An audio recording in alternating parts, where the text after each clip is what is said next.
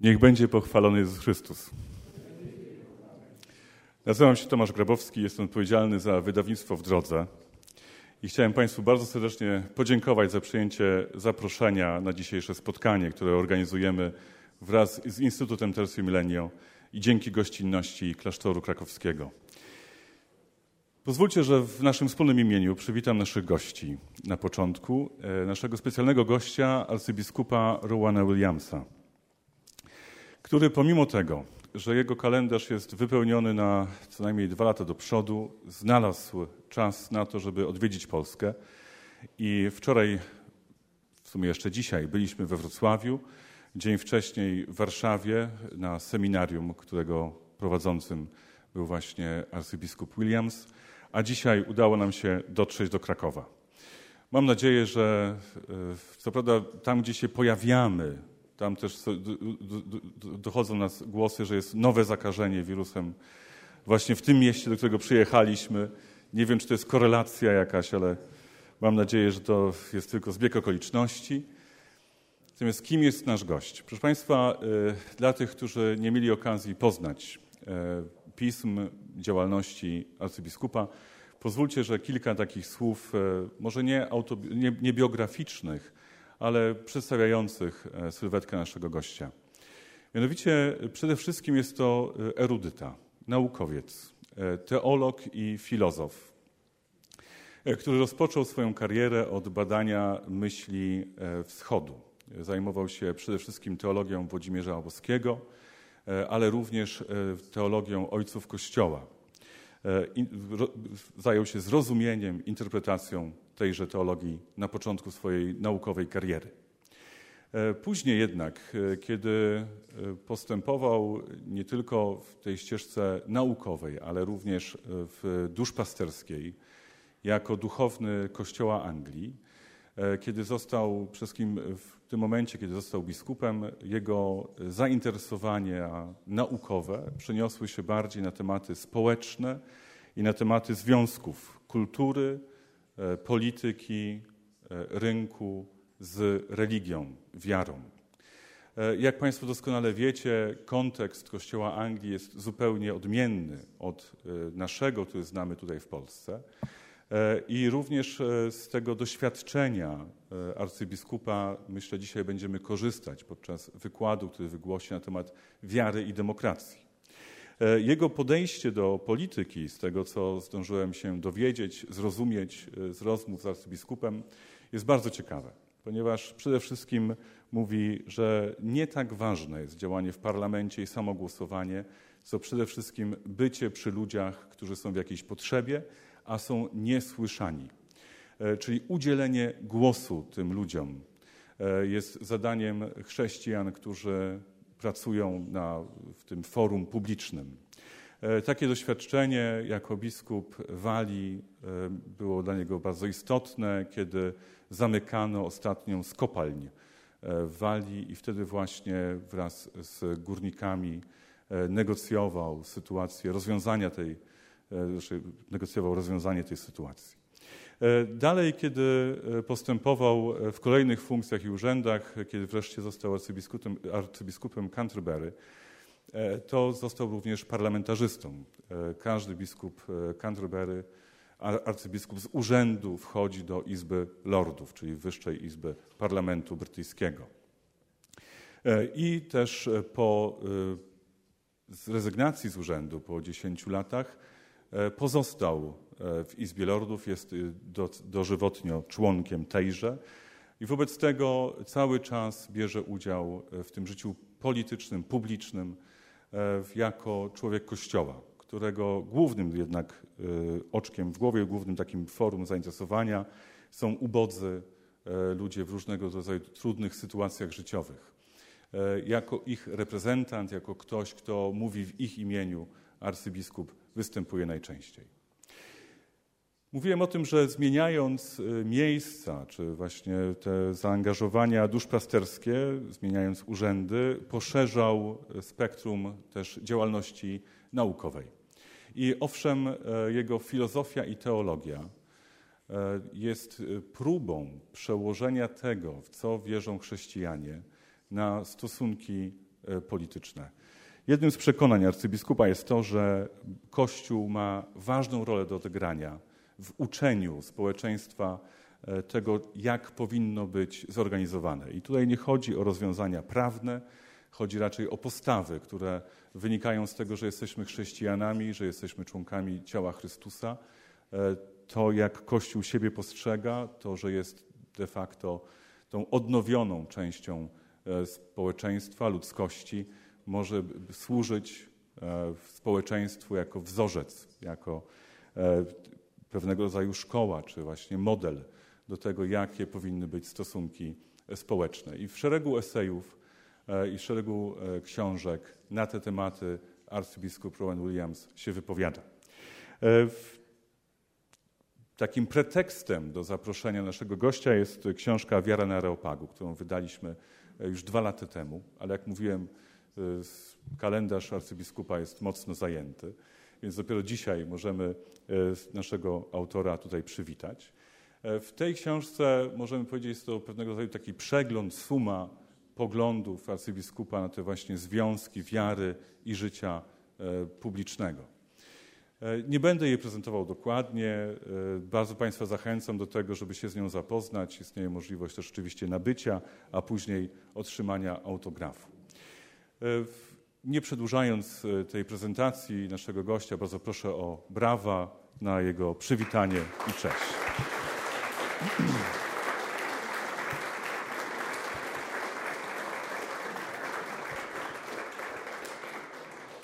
Naszym drugim gościem, a w tym kontekście trzeba powiedzieć bardziej gospodarzem, jest ojciec Jarosław Kupczak.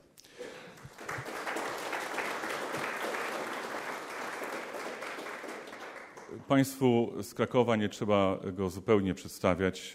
Myślę, że dla każdego z nas jest znany. Pozwólcie, że tylko kilka słów laudacji pozwolę sobie wygłosić na cześć ojca profesora. Ojciec Jarosław to przede wszystkim teolog. Ktoś, kto właśnie z perspektywy teologii mocno zakorzenionej w tradycyjnej myśli, ale podanej w bardzo nowoczesnej formie, patrzy na Kościół i na społeczeństwo. W pierwszym takim etapie jego kariery główne zainteresowanie było skupione na nauczaniu Jana Pawła II dotyczącym w szczególności teologii ciała. Temat, który w Polsce wciąż, myślę, jest za mało popularny, wciąż jest za mało nagłośniony. A jeśli jest nagłośniony, to na pewno wielka jest tutaj zasługa ojca Jarosława w tym, że w ogóle się myśli teologią ciała Jana Pawła II w Polsce. Później również poszerzał, jak to dobrzy naukowcy robią, spektrum swoich zainteresowań i przede wszystkim skupił się na teologii dogmatycznej, które to też skupienie jest taką ciekawą propozycją, może nie popularyzacji, ale właśnie przełożenia dogmatów, które przecież są sformułowane wieki temu, w taki sposób, żeby człowiek współczesny mógł je zrozumieć, przyjąć, jakoś z nimi dyskutować. Jako pracownik naukowy również nauczyciel, tutaj myślę, że Kraków i Kościół zawdzięcza szereg, szereg studentów, uczniów właśnie ojcu Jarosławowi. Zresztą niektórzy z nich są na sali, za co serdecznie dziękuję. Ojciec Jarosław będzie dyskutantem dla arcybiskupa Williamsa w ten to sposób, że najpierw to nasz gość specjalny wygłosi kilka uwag na temat wiary i demokracji, a w odpowiedzi, a równocześnie może z innej perspektywy, później ojciec Jarosław przedstawi swój pogląd na sprawę. Miejmy nadzieję, że wystarczy nam również trochę czasu na to, żebyśmy wzięli udział w dyskusji po tych dwóch głosach, ale to zobaczymy, jak się będą sprawy rozwijać. Niemniej jednak, już nie zabierając więcej czasu, życzę Państwu bardzo ciekawego spotkania. Raz jeszcze bardzo dziękuję naszym gościom za to, że przyjęli nasze zaproszenie i pozwólcie, że na koniec podziękuję osobie kluczowej dla tego spotkania, mianowicie ojcu Łukaszowi Miśko, który podjął się tłumaczenia dla naszego gościa i dla nas. Wiecie Państwo, takie debaty powinny być wymianą poglądów. Jeżeli ta wymiana ma się powieść, to rola ojca Łukasza jest tutaj naprawdę niezastąpiona. Myślę, że to będzie nie lada wyzwanie, ale też jestem spokojny, że też będziemy widzieli w jakim dobrym stylu ojciec Łukasz e, podoła temu zadaniu. Serdeczne brawa dla Ciebie na początek i dziękuję, dziękuję, że się podjąłeś tego zadania.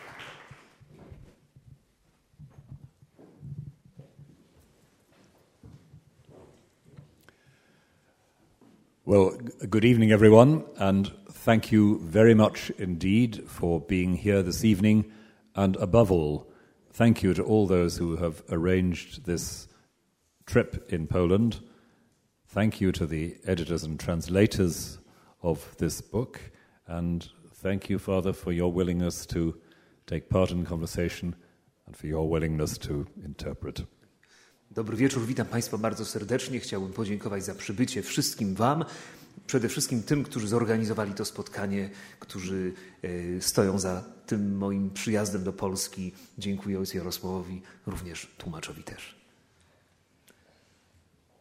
The book, which has been translated, contains a number of essays on very diverse topics. Książka, którą wydaliśmy, przetłumaczona została, zawiera wiele różnorakich esejów na bardzo różne tematy. But there are certain themes which run through these different essays, and tonight I want to try to draw out one particular theme which is in the background of many of these discussions. Ale są takie tematy, które są wspólne dla większości tych esejów i dzisiaj chciałbym z nich właśnie wyciągnąć kilka i przedstawić jako takie główne tło, wspólny mianownik. I believe that at the moment we face a worldwide crisis in our politics. Wydaje mi się, że w tym momencie dziejowym mamy do czynienia z światowym kryzysem w polityce. And it's a crisis which has very much to do with confusion about the meaning of democracy. I ten kryzys polega głównie na tym, że jesteśmy skonfundowani, zmieszani, nie mamy wspólnego rozumienia tego, czym polityka jest. It seems to me, therefore, worthwhile to spend some time looking at the meaning of the word and looking at our assumptions about it. Wydaje mi się zatem, że powinniśmy spędzić jakiś czas, żeby przyjrzeć się temu pojęciu i dobrze je zdefiniować. As many of you will realize, democracy is a word with a rather disreputable history. Jak wielu z Was pewnie zda sobie sprawę, y, pojęcie polityki ma taką dość y, trudną y, historię. Demokracji, Demokracji przepraszam, tak, tak. For a long time, in classical and post classical thought, democracy simply meant rule by the multitude. Przez długi czas w myśli klasycznej pojęcie demokracji, dziękuję za, za podpowiedź, znaczyło po prostu rządy wielu. But when, after the Enlightenment, people began to think again about democracy, its value seemed to come from a definition in terms of what it was not. Ale po oświeceniu, kiedy zaczęto myśleć o demokracji więcej, e, znaczenie tego słowa zaczęto również wyciągać z tego, czym ona nie jest. In the 19th and 20th century, the advantage of democracy was that it was not autocracy, it was not oligarchy, it was not dictatorship. W XIX i XX wieku e, podkreślano, że demokracja nie jest oligarchią, nie jest autokracją, nie jest dyktaturą. And the assumption came to be that democracy was what happened when illicit, authoritarian patterns of power were swept away. I zaczęto wierzyć, że demokracja to jest coś, co pojawia się, kiedy takie niepraworządne e, rządy autorytarne są po prostu odsunięte. And behind that is the assumption that in the modern post Enlightenment age, What makes a government lawful or legitimate is the consent of the population. Stoi za tym takie postoświeceniowe przekonanie, że to, co sprawia, iż rząd jest e, jakby prawnie, że ma pewną legitymację do władzy, jest po prostu konsensus ludzi, zgoda ludzi. And that emphasis on the consent of those who are governed led to the assumption also that democracy involved the possibility of political change and therefore of political argument.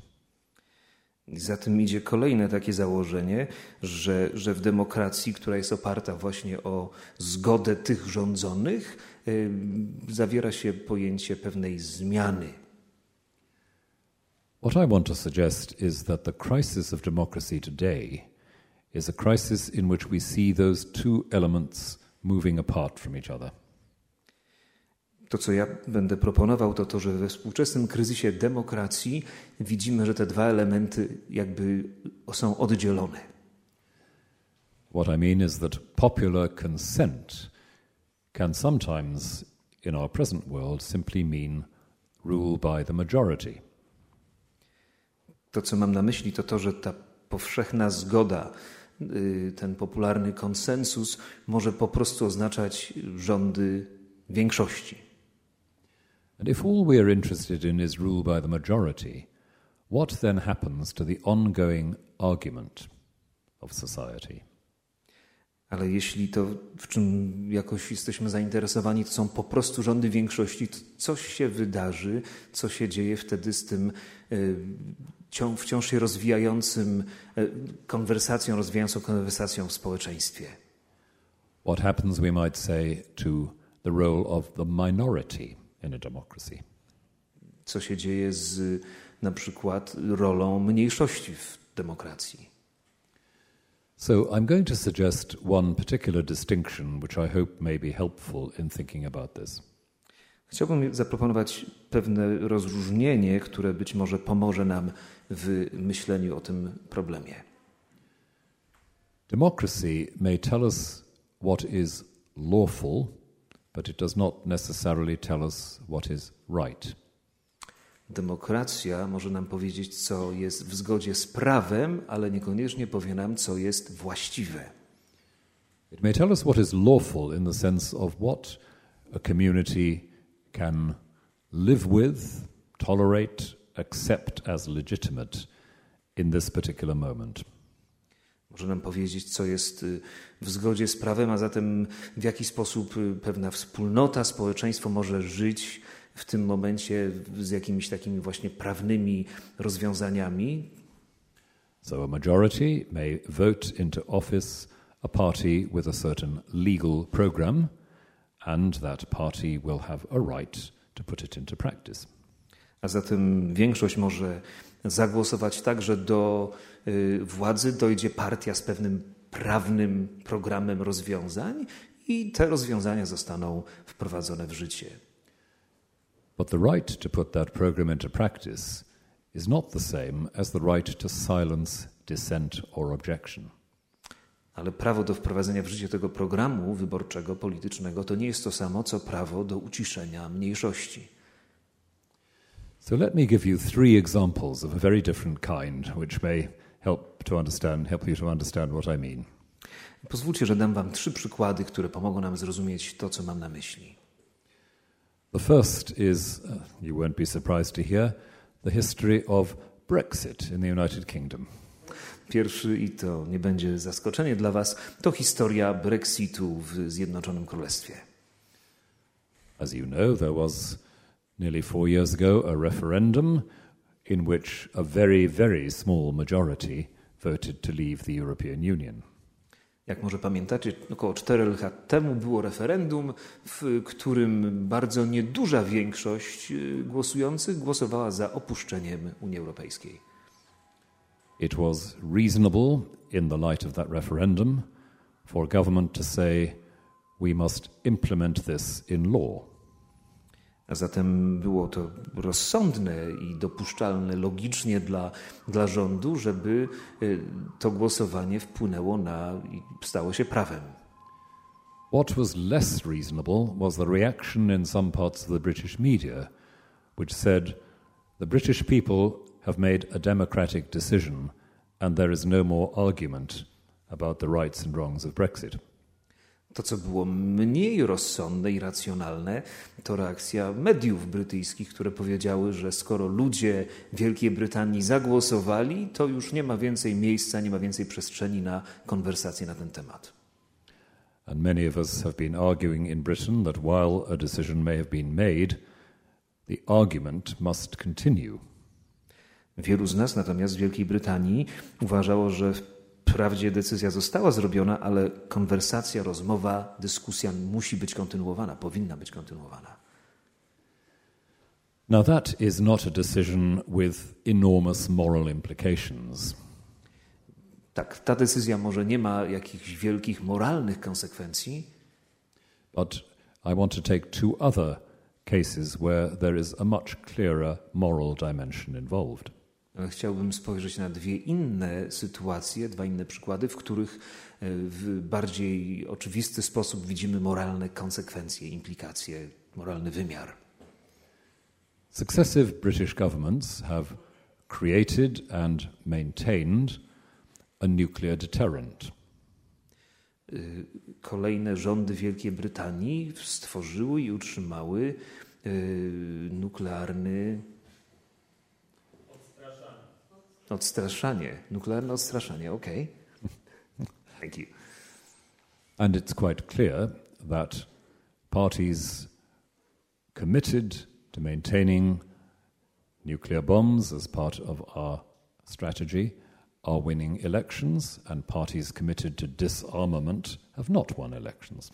Jest oczywiste, że partie, które y, są za utrzymaniem y, uzbrojenia atomowego, nuklearnego, wygrywają wybory, podczas gdy partie, które są przeciwne temu, przegrywają wybory. In other words, it's possible to say the possession of nuclear weapons by our nation is lawful in the sense that it has a base in popular consent, but it would be very strange to conclude from that that there was no argument about the morality of possessing nuclear weapons. Możemy zatem słusznie stwierdzić, że wprawdzie jest to prawne, by nasz naród, by, by Wielka Brytania była w, w posiadaniu takiej broni jądrowej, broni atomowej, ale nie możemy powiedzieć, że y, nie jest to moralnie y, otwartym tematem do dalszej rozmowy. If I protest about the possession of nuclear weapons, and if in so doing I break the law, the law has a right to punish me. Gdybym zaprotestował przeciwko posiadaniu broni e, nuklearnej przez Wielką Brytanię i gdybym protestując złamał prawo, prawo ukarze mnie za to. And I say this with uh, some experience of having once, many years ago, being arrested during a protest about nuclear weapons. Mówię to z doświadczenia kogoś, kto wiele lat temu był zaaresztowany za protest przeciwko e, posiadaniu broni nuklearnej. But I did not regard the fact that I was lawfully arrested as setting my conscience at rest on the moral question. Ale nie powiedziałbym, że bycie zaaresztowanym jakoś y, uspokoiło moje sumienie i ustawiło już tą sprawę moralnie. Now, I chose that example because the question of nuclear weapons is a question very much at the heart of some left wing political advocacy and argument. Mówię też o tym, wiedząc, że kwestia uzbrojeń nuklearnych, posiadania broni nuklearnej jest bardzo centralnym punktem dla wielu lewicowych programów. But my second instance is something which is not so obviously associated with left wing politics. Ale mój drugi przykład będzie czymś, co wcale już tak łatwo nie da się po prostu zaklasyfikować jako y, lewicowy element polityki. And that second is the question of abortion. I ten drugi przykład to jest pytanie, problem aborcji. In 1967, the government of the United Kingdom made abortion legal. W roku 1967 rząd Wielkiej Brytanii y, zalegalizował aborcję. It also legalized exceptions or exemptions from the law on the grounds of conscience. That is, doctors were not to be forced to perform abortions. Równocześnie zalegalizowano, włączono do prawa wyjątki, egzempcje sumienia, klauzule sumienia, to znaczy doktorzy, lekarze, nie, którzy nie chcieli w zgodzie z sumieniem y, dokonać aborcji, mieli to prawo. And in that sense, I believe the government of that time recognized that while the law might change, the argument was not necessarily over. I w tym sensie wydaje mi się, wierzę, że rząd y, ówczesny y, przez takie postawienie sprawy y, wprawdzie rozwiązał to prawnie, ale jednocześnie dał do zrozumienia, że rozmowa na temat moralności wcale nie jest zakończona. For a contemporary citizen of the United Kingdom, the fact that abortion under certain circumstances is legal does not settle the question of its ethical status. Dla współczesnego mieszkańca Zjednoczonego Królestwa fakt tego, że aborcja jest dopuszczalna, wcale nie rozstrzyga pytania o moralność tego czynu. Now, the point of taking these three very different examples is simply to underline the importance of ongoing open debate in a democratic society. Celem podania tych trzech przykładów jest pokazanie, jak ważna jest w demokratycznym społeczeństwie y, ciągła debata, konwersacja, rozmowa. If a government, either of the left or the right, declares in theory or in practice that there is no more debate to be had, or if it discriminates against those who hold dissenting views, then we have I would say, a threat to an ethical democracy. Jeśli rząd, czy to lewicowy, czy prawicowy, y, powie, że nie ma już więcej miejsca na, na rozmowę i w jakiś sposób będzie też y, próbował powstrzymać tych, którzy się nie zgadzają z kierunkiem polityki od takiej właśnie rozmowy, będzie to ogromnym zagrożeniem dla etycznej demokracji. More than that, I think we have a position that is self-contradictory for democracy. Co więcej, powiedziałbym, że mamy tutaj taką sytuację wewnętrznej sprzeczności. So, in the next part of my remarks, I just want to say a word about the theoretical and indeed the moral foundations of democracy. Zatem w drugiej części mojej prezentacji chciałbym powiedzieć o Y, etycznych, moralnych y, fundamentach, podstawach demokracji. What picture of the human does democracy presuppose? Jaki obraz człowieka zakłada demokracja? Democracy is desirable, surely, because every human person has a perspective that must be recognized and honored in public debate. Demokracja jest pożądana, albowiem każdy człowiek, każda jednostka ma prawo do, do, do pewnej opinii, która będzie rozpoznana w publicznej rozmowie, debacie. If there are those members of society whose perspective is regarded as not worth hearing or not worth attending to, democracy itself makes no sense. Jeśli są jacyś członkowie społeczeństwa, których perspektywa, opinia jest uznana za nieważną, nieistotną do wysłuchania, do poznania, wtedy e, to no, niestety unicestwia jakoś fundamenty demokracji, osłabia fundamenty demokracji. And this, of course, is where democracy itself rests on some deeply theological assumptions. Właśnie tutaj widzimy, jak demokracja y, jest zbudowana na głęboce teologicznych y, założeniach. Assumptions about the dignity and the nature of the human person. Założeniach na temat natury i na temat godności ludzkiej osoby. I don't need, I think, to underline in this context the importance of the work of St. John Paul II as a defender of Christian personalism. Chyba nie muszę tutaj przypominać, jak ważnym obrońcą chrześcijańskiego personalizmu był papież Jan Paweł II. The tradition of theology, which has nourished that personal and personalist vision, is a tradition which assumes that even a mistaken conscience has some proper liberty and right. Tradycja, która po pomogła doprecyzować to pojęcie ludzkiej godności, to tradycja, która mówi, że nawet nie do końca y, dobrze, może uformowane sumienie ma, ma prawo do bycia usłyszanym, bycia częścią tej konwersacji. And it is a tradition which, in um, a not very well known passage of St. Thomas Aquinas, insists that even a slave cannot be denied the liberty of religion and the liberty to create a family.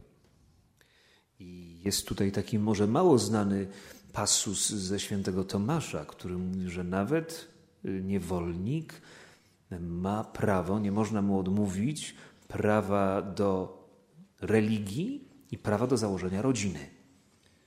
It's a very interesting passage in St. Thomas's discussion of slavery, where in effect he says there are limits to what any power, any human power, can demand of another human being. To bardzo ciekawy y, argument Tomasza w rozmowie o niewolnictwie, gdzie Tomasz mówi, że są granice władzy, jakiejkolwiek ludzkiej władzy nad, nad drugim człowiekiem. And the great positive point of this tradition of Christian personalism is that it declares there is a limit to the power of the state. Bardzo ważne w tym y, kontekście jest to, że w tradycji chrześcijańskiej, o której mówimy, przypominamy też o limitach, o ograniczeniu y, władzy państwa, rządu. No human power can compel religious belief, no human power can restrict the liberty to create a family, to raise children, and so forth. Żadna ludzka władza nie może y, ograniczyć tego prawa do religii, żadna ludzka władza nie może narzucić, ograniczyć y, prawa do założenia rodziny, wychowania dzieci. And so, one implication of Christian personalism is that the state and the power of the state are not sacred and absolute realities. Jedną z konsekwencji tego chrześcijańskiego personalizmu jest przekonanie, że władza państwa nie jest czymś świętym, nie jest czymś sakralnym. In this sense, Christianity itself is the source of a certain kind of secularism. I w tym sensie samo chrześcijaństwo jest, można powiedzieć, źródłem pewnego sekularyzmu. The person who has power, the class that has power, the majority that holds power, the government that holds power, none of these has a sacred sanction for the exercise of that power. What that power declares can always be challenged. Żaden rząd, żadna grupa społeczna, klasa, jednostka, która posiada władzę, ta władza nie jest święta sama w sobie i w związku z tym zawsze można też jej rzucić pewne wyzwanie. So here is another little paradox. W tym jest kolejny taki mały paradoks. A good secular democracy needs, if it is to be healthy, a sufficient number of people who have absolute convictions in that society. Ten paradoks polega na tym, że y, aby demokracja była zdrowa, musimy mieć w danej grupie społecznej, w społeczeństwie taka świecka, mówimy o świeckiej demokracji, tak? Muszą tam być ludzie, którzy mają jednak pewne absolutne przekonania. Because for the argument to continue, there have to be people around who do not believe that power settles arguments. Ponieważ, kontynuując ten paradoks, a żeby y, rozmowa, konwersacja w społeczeństwie mogła być kontynuowana, muszą być ludzie, którzy wierzą, że w taki absolutny sposób, że żadna władza nie może y, domknąć tej rozmowy, powiedzieć, że już koniec, że nie ma miejsca na, konwersację. And a person who believes that power does not settle arguments is a person who believes in values that do not derive just from the convenience or the force that is exercised in society. Osoba, która wierzy, że to święte prawo do konwersacji, do dialogu, do rozmowy, e, no właśnie nie może być przez żadną władzę nam odebrane, to jest osoba. E, is the person who? The second part of your sentence, would you mind? I can't remember. Oh. uh, the person who um, the person who does not accept that force settles argument is a person who believes that you don't depend on force majority for Ta osoba y, wierzy, że tak naprawdę nie zależymy od tej y, absolutnej y, władzy większości, dominacji większości. This makes for argumentative societies. I to tworzy społeczeństwa, no właśnie takie, które rozmawiają, które argumentują, które używają mocy tej, tej właśnie konwersacji.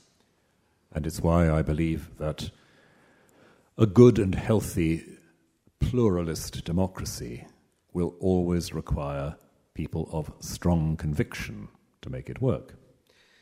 Dlatego wierzę, że taka zdrowa, pluralistyczna, wieloraka, różnorodna demokracja zawsze będzie jakoś spoczywała na ludziach, y, którzy mają mocne przekonania, żeby, żeby to działało. The danger comes when the decision made by a majority is surrounded by an aura, a climate which makes it unchallengeable, as if it were absolute truth. Wyzwaniem, niebezpieczeństwem jest oczywiście to, że decyzja większości będzie jakoś tak mm, otoczona klimatem, atmosferą, e, która utrudnia rzucenie wyzwania, zakwestionowanie tej, tej większości. And so, coming back to our present day situation, the challenge is of a democracy which has lost sight of that paradox at its heart that it needs persons of conviction to make it work. Kryzys, wyzwanie, które widzimy teraz stojące przed demokracją, to jest ten problem, że właśnie e, straciliśmy z pola widzenia ten paradoks. Paradoks tego, że żeby demokracja działała, musimy mieć ludzi z mocnymi przekonaniami. And behind that, of course, lies the fact that many modern societies have long since lost sight of the theological origins of the democratic vision as we understand it.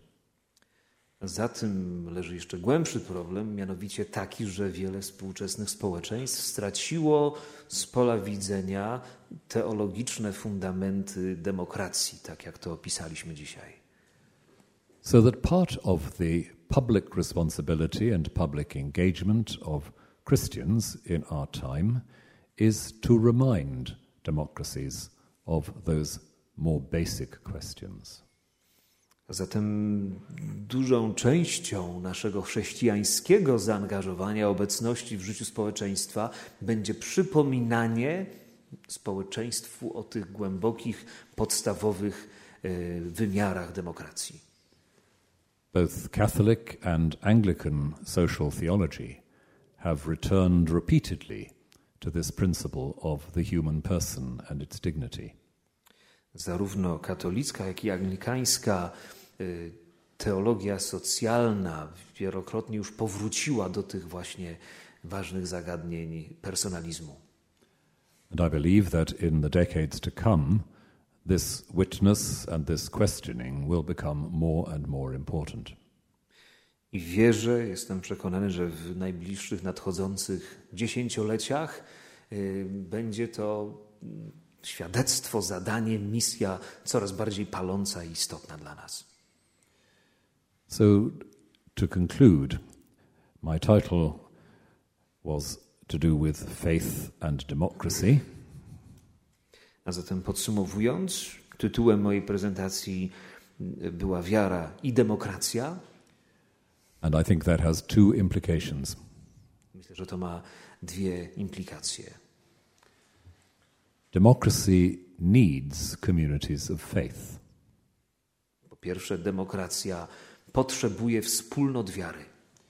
In order that it may not take to itself a sacred, unchallengeable quality.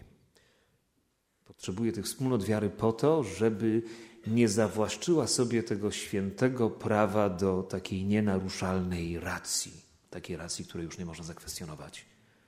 But we as Christians also need to have an intelligent faith in democracy. Ale my, jako chrześcijanie, potrzebujemy mieć taką rozumną, inteligentną wiarę w demokrację. We must be careful ourselves of the temptations to populism, the rule of the majority, religious autocracy. Sami musimy uważać na taką pokusę i tendencję do populizmu, do, do takiej teologicznej, religijnej autokracji.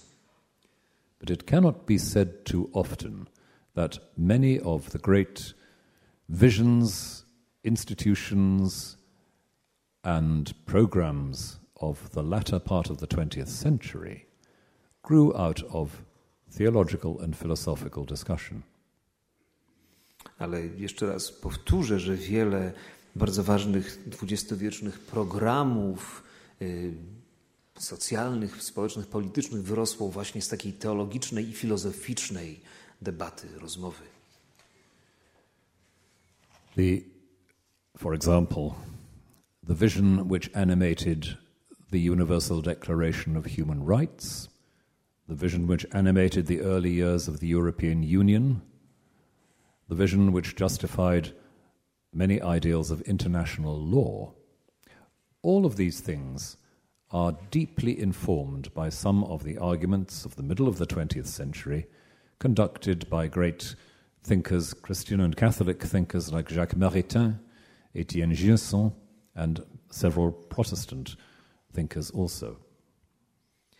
Bardzo ważne dokumenty, Deklaracja Praw Obywatela, bodajże podstawy Unii Europejskiej, ważne elementy prawa międzynarodowego w XX wieku były owocem pracy myślicieli katolickich, chrześcijańskich, takiego jak, takich jak Jacques Maritain, Etienne Gilson no, i, i wielu innych, także o tym musimy pamiętać.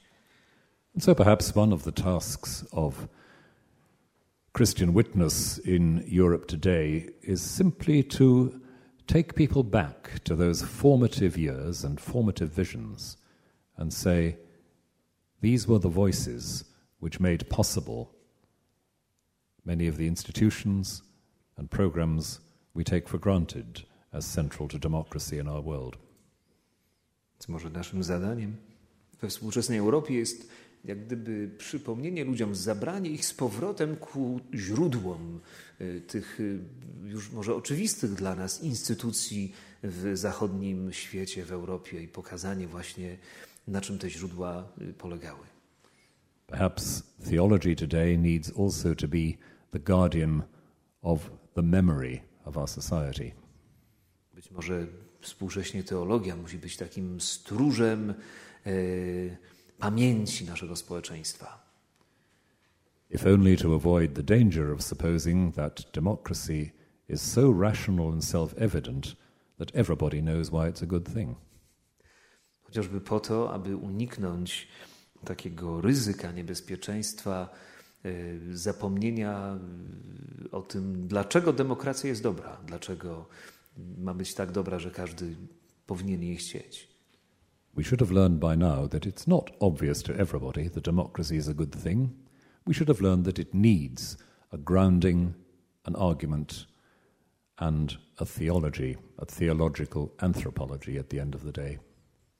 Powinniśmy się już nauczyć, że nie każdy widzi dobro demokracji. Powinniśmy się już nauczyć, że nie jest to dla każdego oczywiste, dlaczego demokracja jest czymś pożądanym i stąd musimy pokazywać te właśnie teologiczne, antropologiczne y, korzenie demokracji. And now I have been silencing other voices and perspectives for long enough, so I shall finish. Y, uciszałem już inne głosy w tej rozmowie przez wystarczająco długi czas, więc powinienem pewnie skończyć. With many thanks to my translator, a Dziękuję long serdecznie. suffering translator. Thank you.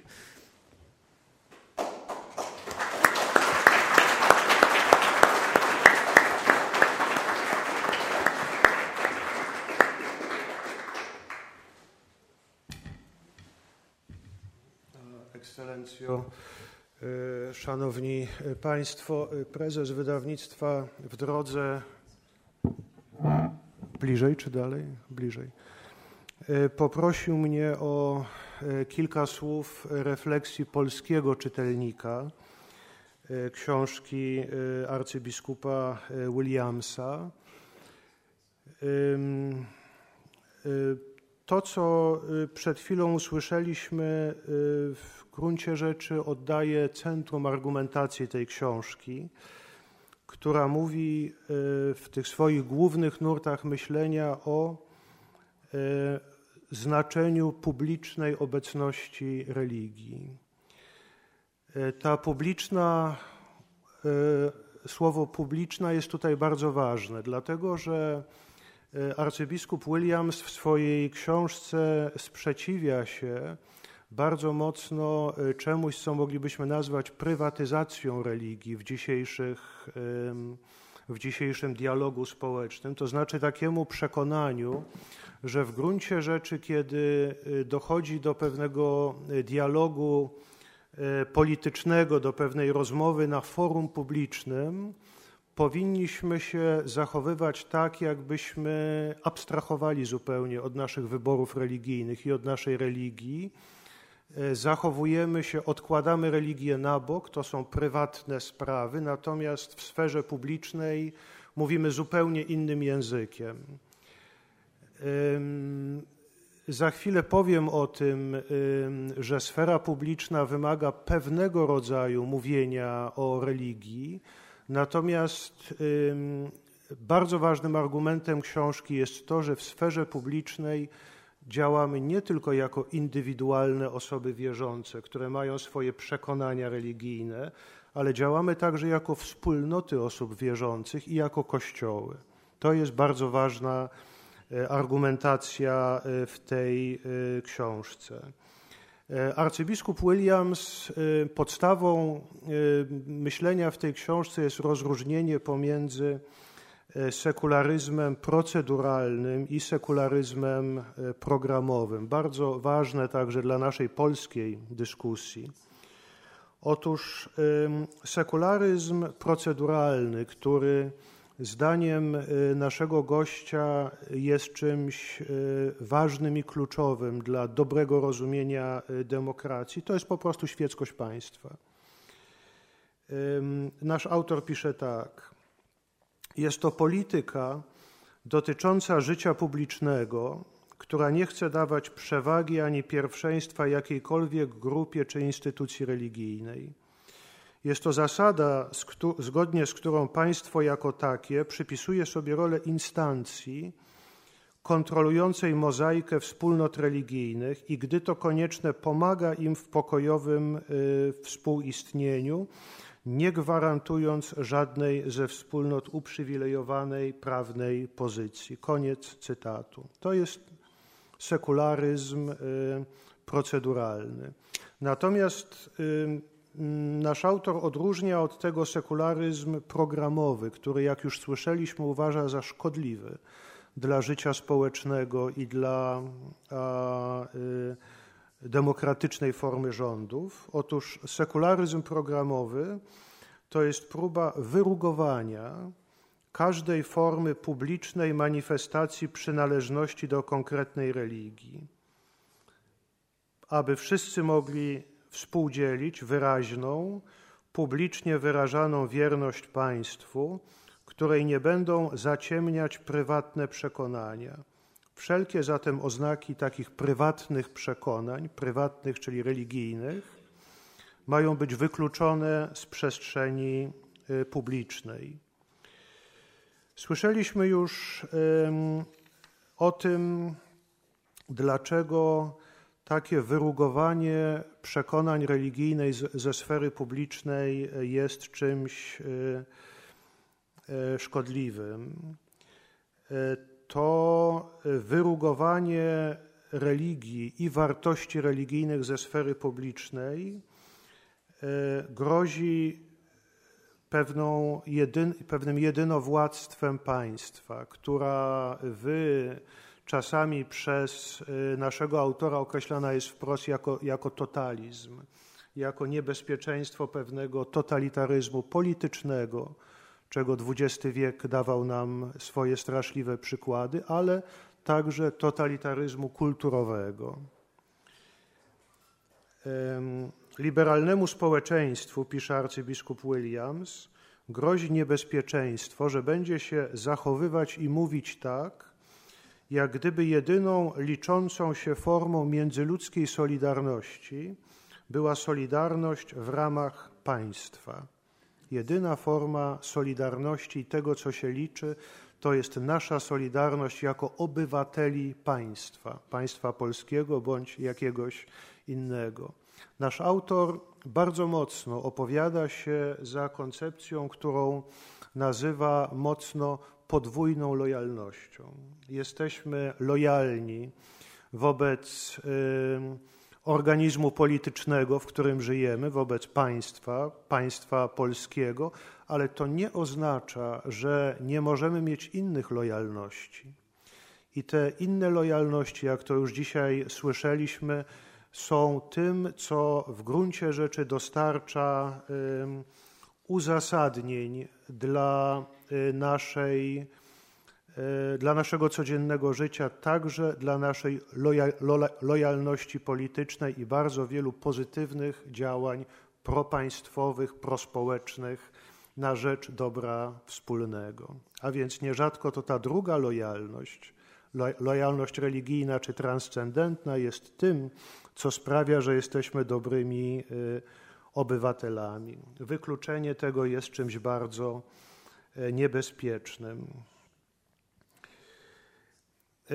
Wykluczenie e, religii z, debaty publicznej e, prowadzi do zjawiska, które arcybiskup Williams nazywa funkcjonalizmem. W gruncie rzeczy moglibyśmy użyć tutaj słowa etyczny utylitaryzm. Innymi słowy, jak, czyta, jak pisze nasz autor, nie istnieje nic poza procesem skutecznych negocjacji. Nie istnieje zasadnicza prawda, lecz jedynie ciągłe starcia, których celem jest utrzymanie kontroli i równowaga sił. Koniec cytatu. Funkcjonalizm jako przekonanie, że tak naprawdę życie społeczne jest jednym y, wielkim konfliktem, w, w którym wykuwa się jakby to, co jest interesem społecznym wyłącznie z konfliktów różnych grup społecznych. W gruncie rzeczy moglibyśmy powiedzieć, że tak e, rozumiany funkcjonalizm jest e, formą darwinizmu społecznego. Paradoksalnie, takie rozumienie demokracji zakłada istnienie przemocy i konfliktu, u źródeł y, najbardziej podstawowych relacji społecznych. Arcybiskup Williams opiera się tutaj na y, pracach znanego także w Polsce brytyjskiego teologa Johna Milbanka, twórcy ruchu Radical Orthodoxy. A więc sekularyzm, proszę zwrócić uwagę, miał oczyścić sferę publiczną od przemocy, widzianej w kontekście europejskich wojen religijnych XVI i XVII wieku jako, jako konsekwencja nienegocjowalnych postaw religijnych. Wydawało się, że kiedy wykluczymy religię ze sfery publicznej, będziemy, nastąpi pokój, Natomiast wydaje się, że obserwacja dzisiejszej polityki prowadzi do odrębnych, do innych źródeł, przepraszam, do innych wniosków. E, sekularyzm, czyszcząc sferę publiczną z tych wartości, które mogą jednoczyć ludzi, w gruncie rzeczy otwiera e, e, rozumienie naszego współbycia ze sobą jako nieustannego konfliktu, jako E, pewnej areny nieustannej przemocy. Po drugie, to, co również ma duże znaczenie w tej refleksji arcybiskupa Williamsa, sekularyzm ma swój bardzo negatywny wpływ na religię. Religia, wyeliminowana bowiem ze sfery publicznej i relegowana do sfery tych osobistych, prywatnych przekonań, zaczyna walczyć o należne sobie miejsce w publicznej debacie. Jak? Za pomocą środków politycznych, stając się narzędziem walki politycznej. Walczy więc o władzę ze wszystkimi negatywnymi tego konsekwencjami. Sekularyzm, bardzo mocno y, podkreśla arcybiskup Williams, tworzy potencjalnie agresywną religię polityczną. Nie chcąc religii w sferze publicznej, tworzy religię polityczną i chyba w Polsce również mamy pewne zjawiska, które mogą służyć do refleksji na y, ten temat. I ostatnie dwa, dwa punkty, zanim przejdziemy do naszej y, rozmowy z czcigodnym gościem. W początkach III Rzeczpospolitej w moim środowisku bardzo ważna była książka wybitnego amerykańskiego intelektualisty, księdza Johna Richarda Newhouse'a, Naga sfera publiczna, Naked Public Sphere, wydana bodajże w 1984 roku. E, która w wielu swoich e, stwierdzeniach napisana z katolickiego punktu widzenia przypomina rozważania arcybiskupa Williamsa. Szczególnie dwie ważne tezy zbliżają te e, dwie książki. Po pierwsze, podważenie istnienia tak zwanej neutralnej sfery publicznej, o czym już nasz gość mówił. Ta neutralna sfera publiczna, to uosobienie oświeceniowej racjonalności ma być osiągnięte po wykluczeniu argumentacji religijnej z, z przestrzeni y, publicznej. Zarówno ksiądz Newhouse, y, założyciel prestiżowego czasopisma First Things, jak i nasz gość podkreślają, że przestrzeń publiczna nie znosi pustki więc po usunięciu z niej argumentacji religijnej, tych wyższych wartości czy tradycji narodowych, ta przestrzeń zostanie, y, często niezauważenie, zamieszkana przez inne wartości. Jak dobrze wiemy, dzisiaj w dominującej utylitarnej czy funkcjonalnej kulturze y, wolnego rynku to będą takie wartości jak skuteczność, maksymalizacja zysku, menedżerski sposób zarządzania rzeczywistością. Jako skutki będziemy mieli do czynienia z komercjalizacją kultury, utylitarnym podejściem, pragmatycznym podejściem do edukacji, czy przekształceniem polityki w marketing. A więc nie ma neutralnej sfery publicznej w porządku y, demokratycznym, jak to już dzisiaj słyszeliśmy. Porządek demokratyczny syci się pewnymi wartościami, które musimy wyraźnie wyartykułować. W takiej, w takiej rzeczywistości Kościół ma do spełnienia, o czym bardzo wyraźnie mówi nasz gość, rolę antykulturową. Jak pisze arcybiskup Williams, Wspólnota chrześcijańska musi wyróżniać się tym, że przedstawia i wciela w życie opowieść różną od tej, którą propaguje państwo nowoczesne. Trzeba zatem pokazać wszemi wobec, że państwo nowoczesne też proponuje pewną opowieść, to znaczy nie jest ucieleśnieniem ponadczasowej racjonalności. Głównym zadaniem Kościoła jest tworzyć przestrzenie dla alternatywnej opowieści, podważać samooczywistość narracji świeckiej nowoczesności. Wierni swojej tożsamości chrześcijanie bronią więc pluralizmu i chronią sferę polityczną przed absolutną dominacją jednego rodzaju e, idei, liberalnych idei, które często wbrew swojej nazwie nie znoszą podważania własnych założeń. To jest pierwsza bliskość pomiędzy e, e, argumentacją księdza Newhausa i naszego czcigodnego gościa. I drugi punkt wspólny, bardzo istotny, dotyczy sposobu argumentacji religijnej w sferze publicznej.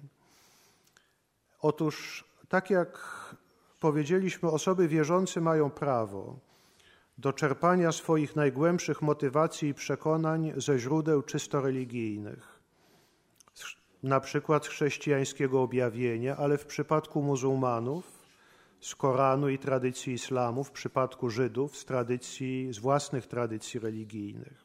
Prawda? Mówiliśmy o tym sekularyzmie proceduralnym. Niemniej, kiedy te religijne przekonania wyrażone są w sferze publicznej, podkreśla arcybiskup Williams, ze względu na próbę budowania konsensusu społecznego, powinny przyjmować formę argumentu zrozumiałego dla wszystkich, jak pisze nasz autor. Negocjator religijny przyjmuje, że większość jego argumentacji będzie miała charakter pragmatyczny, Działa jednak i argumentuje z pozycji, która pragmatyczna nie jest, przeciwnie. Jest ukształtowana przez konkretne religijne narracje i praktyki. Koniec cytatu. A więc motywacja religijna, argumentacja w sferze publicznej taka, aby tworzyła pewien konsensus etyczny i polityczny. Podajmy przykład. Chrześcijanin może być przeciwny legalizacji związków homoseksualnych ze względu na swoje przekonania religijne. Niemniej, jego argumentacja przedstawiana w sferze publicznej jako część pewnego e, procesu politycznego e, nie powinna odwoływać się do wyłącznie do danych biblijnych, fragmentów katechizmu Kościoła katolickiego czy innych dokumentów Kościoła czy własnej tradycji religijnej. Raczej powinien on sformułować swój argument w formie, który ma szansę dotrzeć do wszystkich, także niewierzących i wierzących inaczej. To jest forma tego szacunku demokratycznego. Taka argumentacja może odwołać się do potrzeby ochrony małżeństwa jako związku mężczyzny i kobiety, troski o dzieci, znaczenia tradycyjnego małżeństwa dla kultury zachodniej i tak dalej ale musi to być inaczej sformułowany, sformułowany argument. I ostatnia uwaga y, dotycząca tego, y, co bardzo mocno podkreślił nasz czcigodny gość, a co w sformułowaniu katolickiego etyka y, Ernsta Wolfganga Böckenforde zostało określone jako paradoks demokracji, czy dylemat demokracji. Otóż do swojego istnienia potrzebuje ona wartości etycznych, których równocześnie sama nie produkuje.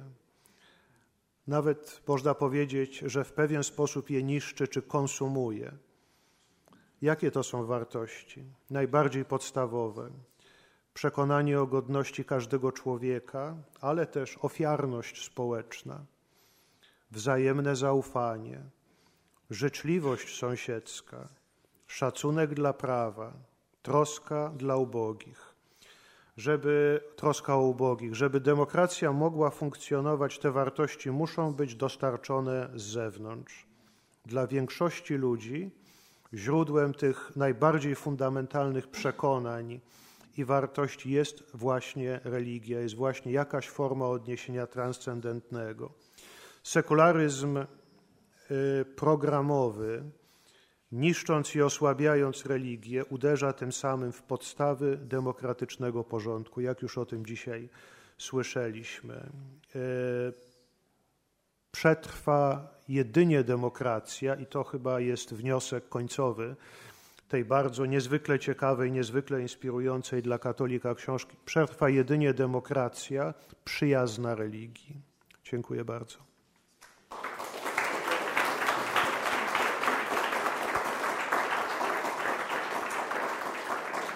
I don't know whether you agree with my reading of the book. Well, um, I'm absolutely delighted that somebody, I think, understands the book better than I do myself. Jestem y, niesamowicie usatysfakcjonowany tym, że ktoś zrozumiał moją książkę bardziej niż ja sam. But if I may, I'll just make a couple of comments in response. Jeśli mogę, tylko kilka komentarzy. First is about making arguments in public that are accessible to non Christians. Po pierwsze, to y, komentarz do y, prezentacji takich argumentów publicznie, które mogą również do niechrześcijan dotrzeć. This is simply to say that I agree heartily with this, and my own experience in Britain of arguing on the subject of euthanasia has very often been constructed on this basis. Bardzo zgadzam się z tą koniecznością takiego właśnie formułowania argumentów i często w mojej własnej, e, w moim doświadczeniu y, takie argumenty prezentowałem w Wielkiej Brytanii w rozmowie na temat eutanazji. And the irony is sometimes people will say, Why are you not arguing on Christian grounds? Ironicznie, znaczy ironicznie, paradoks polega na tym, że czasami ludzie mówią, dlaczego nie, nie wykłócasz się tutaj, dlaczego nie argumentujesz na, na chrześcijańskim gruncie? The answer is if I argued on Christian grounds, you would stop listening straight away. Moja odpowiedź jest taka, że kiedy zacznę, się, kiedy zacznę prezentować argumenty chrześcijańskie, przestaniecie mnie słuchać. But beneath that, a second point um, is about the nature of the citizen. Druga uwaga to jest uwaga na temat natury obywatela. I, I think I said somewhere in the book that a good citizen is always more than just a citizen. Gdzieś w książce to napisałem, że dobry obywatel to jest coś więcej niż po prostu obywatel. None of us derive our values simply from abstract civic principles. Nie wyciągamy, nie budujemy, nie odnajdujemy naszych wartości po prostu w takich świeckich, cywilnych y, zasadach. So we need to think very hard about what we mean, mean by reason and rationality in this context. Zatem w tym kontekście musimy zastanowić się mocno nad tym, co rozumiemy przez y, rozum i rozumność. We may arrive at reasoned and reasonable conclusions because of the traditions we inhabit, not because of some abstract principle. Możemy dotrzeć do takich rozumnych i, i rozumowych konkluzji, ponieważ stoją za nimi pewne tradycje, które nas uformowały. And if I may refer to another um, recently canonized saint, John Henry Newman, Jeśli mogę tutaj przywołać innego ostatnio kanonizowanego świętego, e, Johna Henry Newmana, one of the most important elements of Newman's philosophy is making us think again about our process of reasoning. to co jest bardzo ważne dla Newmana w jego filozofii, to jest przemyślenie na nowo naszego procesu rozumowania. Newman observes that we reach reasonable conclusions by a very wide range of argument and influence. Newman zauważa, że dochodzimy do takich właśnie rozsądnych, rozumnych, racjonalnych konkluzji, na, idąc wieloma różnymi drogami. And all of that is what the citizen brings to public debate. To wszystko każdy obywatel wnosi do tej publicznej rozmowy. Two other very short observations. Jeszcze dwie kolejne bardzo krótkie obserwacje. One is the great importance, as Father Yaroslav said, of mm, understanding that there is a narrative for democracy. Y, Pierwsze, tak jak ojciec Jarosław już powiedział, y, to fakt, że zawsze jest jakaś opowieść w demokracji, jakaś narracja. We have learned this. We didn't, it didn't fall from heaven. To znaczy, że myśmy się jakoś tego nauczyli, to nie spadło na nas z nieba. And both socially and individually, it's very important to be aware of how we have learned of our history and our tradition. I tak dla społeczeństwa, jak dla każdej jednostki bardzo istotne jest wiedzieć, skąd się czegoś nauczyliśmy, właśnie przez historię, przez tradycję. And then finally, it seems to me that the most important contribution that religious faith makes is this.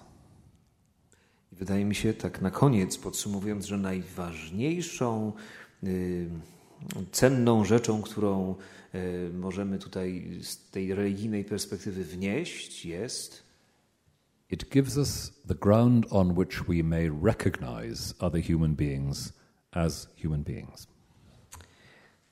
że religia daje nam takie miejsce, przestrzeń, fundament, podstawę, na której możemy rozpoznać y, człowieka jako człowieka. To recognize the image of God, to recognize an equal dignity wherever we look. Rozpoznać obraz Boga, dostrzec, rozpoznać równą y, godność. And that is a dignity which doesn't depend on function, success, independence, etc. I ta godność nie zależy od funkcji, którą sprawujemy, od e, miejsca, które zajmujemy w społeczeństwie i tak dalej. Just one last remark, which is that I'm uh, very delighted to be compared to Richard John Newhouse. Jeszcze dodam tylko, że jest mi He bardzo would be przyjemnie, too. He would be too. że zostałem porównany do księdza Richarda Johna Newhouse'a, e, na co ojciec Jarosław odpowiedział, że również Newhouse byłby bardzo tym e, ucieszony. but also a little surprised because we had some very vigorous arguments in our time. Ale jestem również zaskoczony co nieco, dlatego że mieliśmy nie jeden y, intensywny, mocny taki, tak, taką rozmowę, kłótnię, spór wiedliśmy w naszych, w naszych y, czasach. E, Szanowni Państwo, e, za chwilę otworzymy tą możliwość konwersacji na pytania z sali, także proszę przygotować sobie takie pytania. Ja otworzę tę sesję, tę część e, pytaniami, e, jednym, może, może dwoma, e, tutaj z mojej długiej e, listy.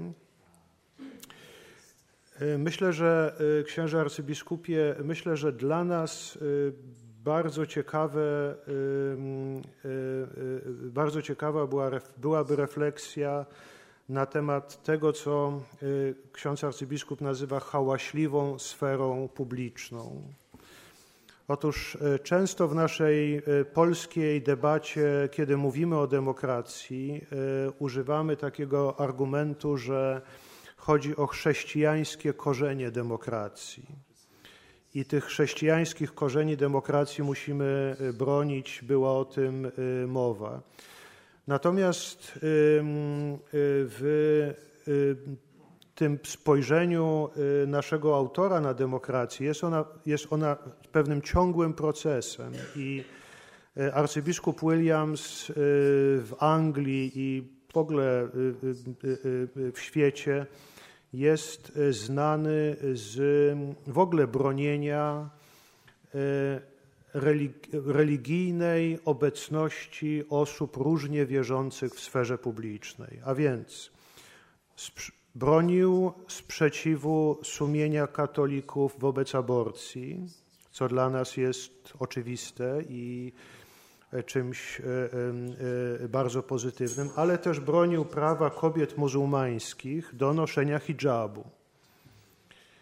Ale także bronił e, możliwości odpowiadania brytyjskich muzułmanów przed własnymi sądami i przed własnym e, prawem, przed szaria, a więc opowiadał się za pewną rów- równoległością prawa brytyjskiego i prawa muzułmańskiego. I jeśli ksiądz arcybiskup zechce podzielić się z nami tym właśnie doświadczeniem, że że sekularyzm proceduralny zakłada także szacunek dla innych tradycji religijnych, chociaż zapewne nie stawianie ich na, na tym samym poziomie. Thank you. I think this is a crucial point. For the Christian to defend the Christian roots of democracy is for the Christian to defend what I would call the hospitality of the democratic state. jest bardzo, bardzo tutaj centralny y, argument, co to znaczy dla chrześcijan obrona wartości czy korzeni chrześcijańskiej demokracji. To znaczy obrona pewnej gościnności demokracji, tego, że demokracja musi być gościnna. And I remember some years ago, towards the end of my time as Archbishop, a speech given by Queen Elizabeth in, in Lambeth Palace in my residence in London.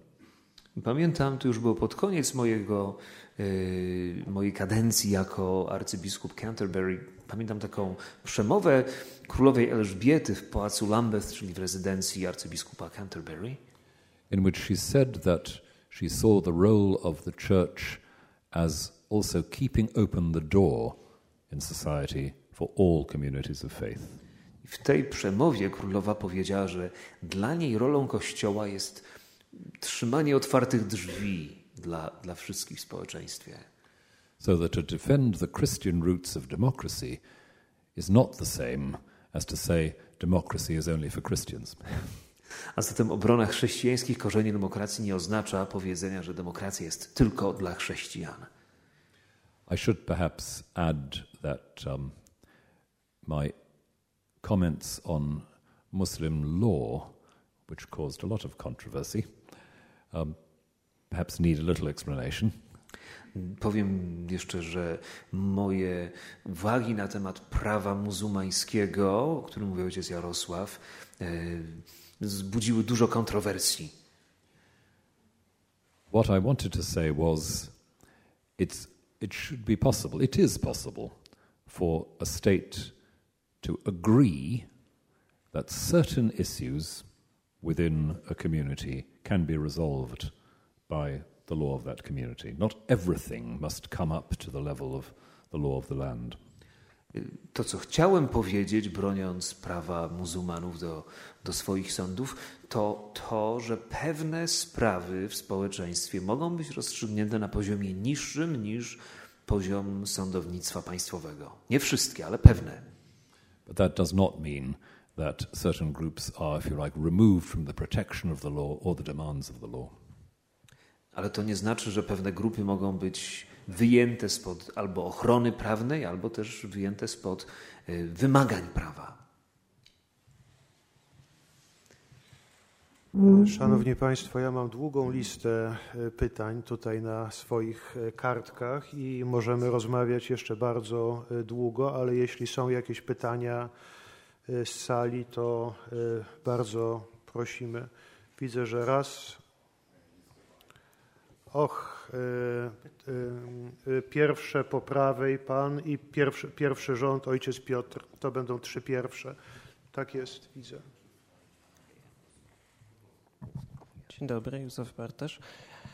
Pierwsze pytanie mam takie, bo ksiądz arcybiskup sformułował takie twierdzenie, że świecka demokracja potrzebuje ludzi o absolutnych przekonaniach. I czy, ewentualnie dlaczego, ci ludzie o absolutnych przekonaniach należący do grupy religijnej, na przykład chrześcijanie, mogą mieć w tym stworze większą wartość niż inni ludzie, również o absolutnych przekonaniach. To znaczy, czy jest rzeczywiście tak, że chrześcijaństwo bądź jakakolwiek inna religia wnosi bądź może wnieść więcej tym swoim absolutnym przekonaniem niż inne jednostki o absolutnych przekonaniach? Mogę też drugie czy średnio? No to jedno.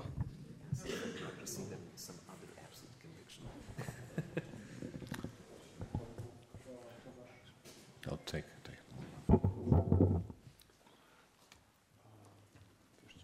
Uh, uh, perhaps I could just reply very quickly to that. Go ahead. Uh, najpierw może odpowiedź do pytania pana, tak? Um, and to say, obviously, as a Christian, I believe that the Christian vision of the human person is ultimately the most fertile, the most creative contribution that can be made. But it's not the only one. Oczywiście, jako chrześcijanin wierzę, że chrześcijański wkład w demokrację jest jakoś najbardziej twórczy, naj, najbardziej taki spójny, najbardziej może wartościowy, ale to nie jest jedyny wkład, jedyny dobry wkład w demokrację. And of course, there is also debate and discussion between people of different faiths in a good democracy, debate about these values between people of faith. I oczywiście jest konwersacja pomiędzy ludźmi wiary w różnych religiach o demokracji, o tych wartościach. So it doesn't mean I don't argue with Muslims. Więc nie będę w ten sposób się y, jakby wykłócał, czy rozmawiał w ten sposób z muzułmaninem. Czy, że, że w, o, przepraszam, tak, tak. To nie znaczy, że on jak gdyby będzie próbował przekonać muzułmanów, prawda, w ten sposób. I think there's a question over here. Oh, and then, then. Y, ewangelicki ksiądz Krzysztof Kusek, witam serdecznie. Chciałbym zapytać ekscelencjo o taką jedną rzecz. Y, gdzie są granice tej bytności religii w sferze publicznej?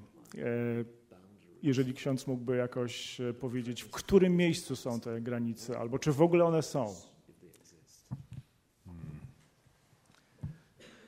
I suppose the boundaries of the presence of religion would be when a religious group seeks to exercise direct political power. Wydaje mi się, że taką granicą byłoby, byłaby sytuacja, w której grupa religijna próbuje wprost oddziaływać na politykę. Where any one religious community seeks to limit the religious liberty of another religious community. Albo jeśli jakaś jedna grupa religijna próbuje ograniczyć prawa innej grupy religijnej. So the mistake would be to think that religion can capture the democratic process for its own, its own ends. Błędem byłoby myśleć, że grupa religijna może w jakimś sensie przejąć ten proces polityczny dla własnych celów.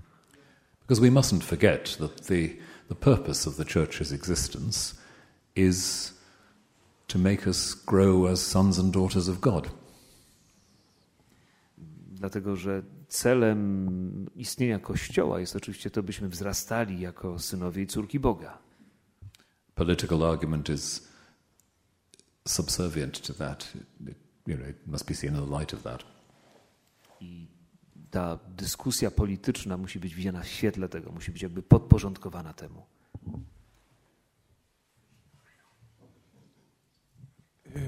Piotr Balok, dominikanin Kijów, Ukraina. E, mam takie pytanie. Ksiądz arcybiskup wspomniał o Brexicie z punktu widzenia demokracji, że trzeba o tym dyskutować. Ja natomiast, y, moje pytanie jest, jak y, ksiądz arcybiskup patrzy na to w świetle wiary? Czym według księdza arcybiskupa był ten Brexit? Takim porzuceniem raju, Edemu, czy jednak wyjściem z Egiptu, leaving the Garden of Eden was albo, like, you know, albo Egypt behind. takim po prostu rozejściem się między Abrahamem a Lotem. Jeden sobie poszedł w jedną stronę, drugi w drugą. Dziękuję. Lot and Abraham's burning yes, Well, I think for for some of us, including myself, it was a moment of tragic division and loss. Dla części z nas, łącznie ze mną, była to bardzo bolesna y, sytuacja pewnej dywizji, rozdziału i, i straty. At the same time, it was a moment when many of us realized how very alienated and angry many people were in England. Jednocześnie wielu z nas zdało sobie sprawę, jak bardzo wyalienowani i, i, i no, tacy właśnie źli, rozgoryczeni byli ludzie w Anglii. And the campaign for uh, Brexit allowed many people to see Europe as the scapegoat for many problems. I polityczna kampania na rzecz wyjścia z Unii Europejskiej, na rzecz Brexitu, pozwalała spojrzeć na Unię Europejską jako na kozła ofiarnego. So, two different kinds of deep regret. One regret that many of us had not seen how serious the problems were in Britain. The other regret is for the separation and the cost that it brings for all of us. Zatem takie dwa powody do żalu. Pierwszy to żal nad tym, że wielu z nas nie widziało, jak bardzo byliśmy w Anglii podzieleni, niespełnieni, właśnie rozgoryczeni. I drugi powód do żalu, no to właśnie żal nad tą stratą, e, nad tym rozdziałem z, resztą Europy. And finally, the sadness that um, in the debate about Brexit, many attitudes, many deeply unchristian attitudes, came to the surface and were, as it were, sanctioned in society. Attitudes of anger and rejection, prejudice, and xenophobia. I, I również smutek nad tym, że w rozmowie wokół Brexitu e, wyszły takie postawy, ujawniły się postawy w społeczeństwie, które są bardzo negatywne. Postawa e, ksenofobii, postawa odrzucania pewnych ludzi, postawa nienawiści i gniewu. Dziękuję bardzo za możliwość zadania pytania. Księdze arcybiskupie, moje pytanie będzie z poziomu praktycznego. Jak polityk może to napięcie pomiędzy właśnie dialogiem pomiędzy osobą, która ma w ogóle odmienne inne poglądy od, od chrześcijanina, jak to napięcie może tutaj zwalczyć i kiedy jest ta granica dialogu. Dziękuję bardzo.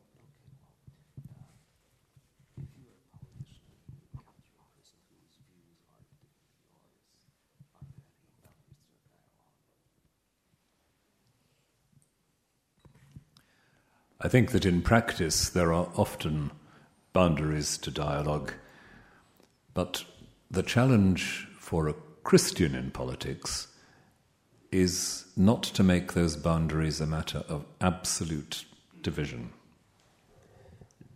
Praktycznie mówiąc, zawsze będą jakieś granice dialogu, ale dla chrześcijanina w polityce, dla chrześcijanina, chrześcijańskiego polityka bardzo ważne jest, aby te granice nie były absolutne.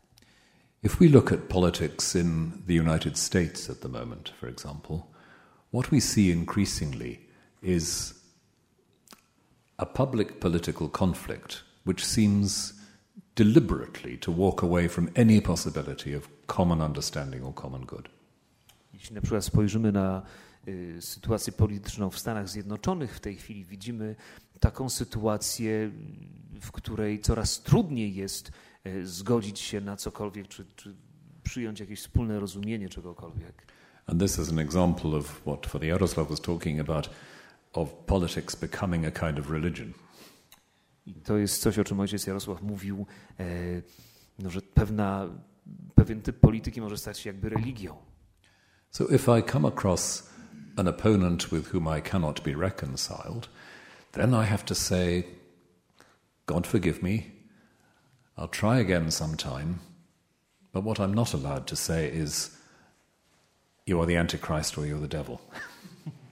Więc jeśli spotykam kogoś, e, z, tu, z czyimi poglądami nie możemy jakoś się dogadać, porozumieć, to co powiem, no, to będzie Boże, przebacz mi, może spróbuję jeszcze raz kiedyś, ale to, czego nie chcę powiedzieć czy pomyśleć, to jest to, że właśnie spotkałem antychrysta, że spotkałem kogoś, kogo poglądy są no właśnie tak radykalnie złe. Proszę Państwa, moja rola jest ambiwalentna, ponieważ z jednej strony mam ten przywilej rozpoczynania spotkań, witania Was, ale z drugiej strony też muszę je zamykać. E, ponieważ wiem, że moglibyśmy tę debatę prowadzić bardzo długo w nocy, ale też zdaję sobie sprawę z tego, jak bardzo e, obciążamy księdza arcybiskupa w tych kilku dniach, kiedy jest z nami. Zanim przyszedł na nasze spotkanie, miał szereg wywiadów z różnymi mediami. Tego pozwólcie, że jednak domknę nasze spotkanie e, pytaniem do obu naszych gości. Pytaniem, które wydaje mi się zasadnicze. Czy postrzeganie demokracji jako ciągłego sporu jest wyrażeniem nie wprost przekonania, że ideał nie może być osiągnięty, czy że ideał nie może być osiągnięty i wyrażony w prawie, czy też ideału po prostu nie ma.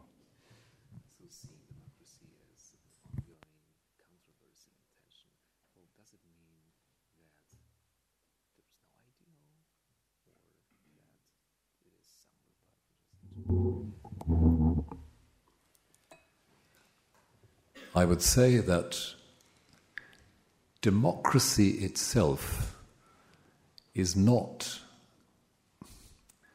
hmm, not a moral ideal, but a condition for the just, reasonable attainment of moral ideals. Powiedziałbym, że demokracja sama w sobie nie jest pewnym ideałem moralnym, ale jest warunkiem dla tego, żeby pewne moralne ideały były osiągnięte. The energy, the vision does not come from the political, but from something deeper and larger. Ta energia i, i, i, pewna, pewna wizja nie pochodzi z przestrzeni politycznej, ona jednak pochodzi z głębszego poziomu, z jakiejś głębszej warstwy.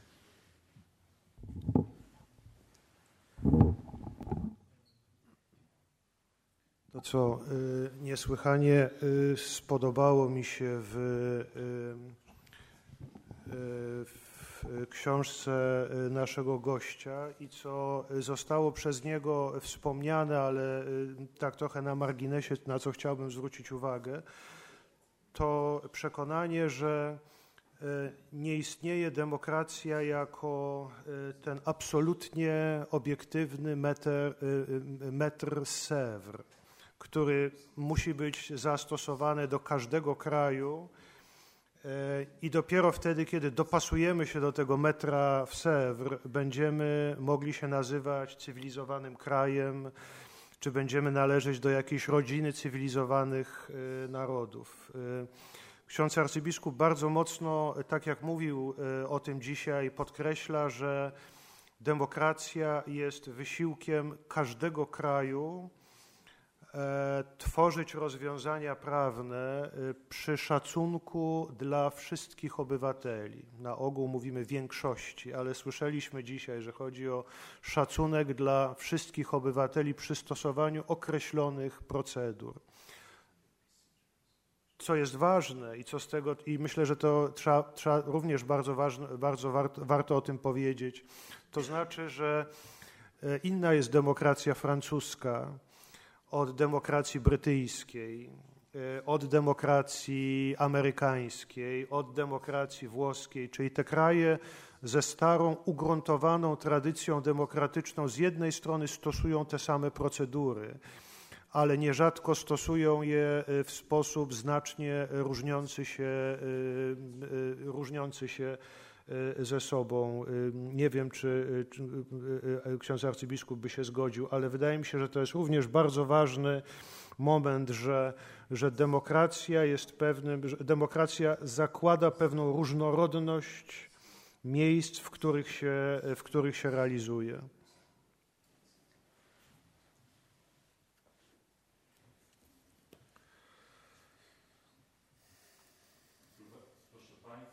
Podziękujmy naszym gościom, ojcu Jarosławowi Kupczakowi, arcybiskupowi Joanowi Janowskiemu.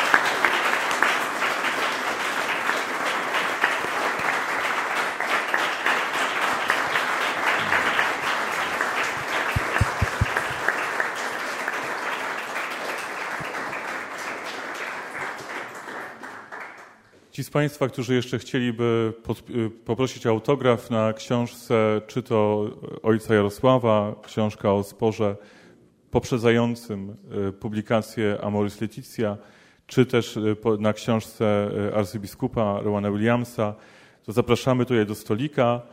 E, też można wtedy zagadać, że tak powiem, autorów, czy coś jeszcze może od nich wyciągnąć.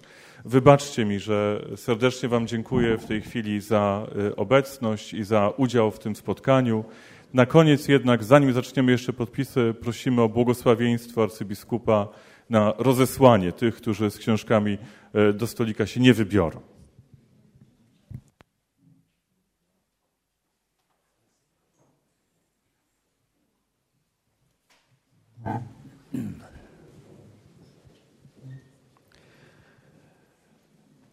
The peace of God, which passes all understanding, keep your hearts and minds in the knowledge and love of God and of His Son, Jesus Christ our Lord. And the blessing of God Almighty, the Father, the Son, and the Holy Spirit be among you and remain with you always.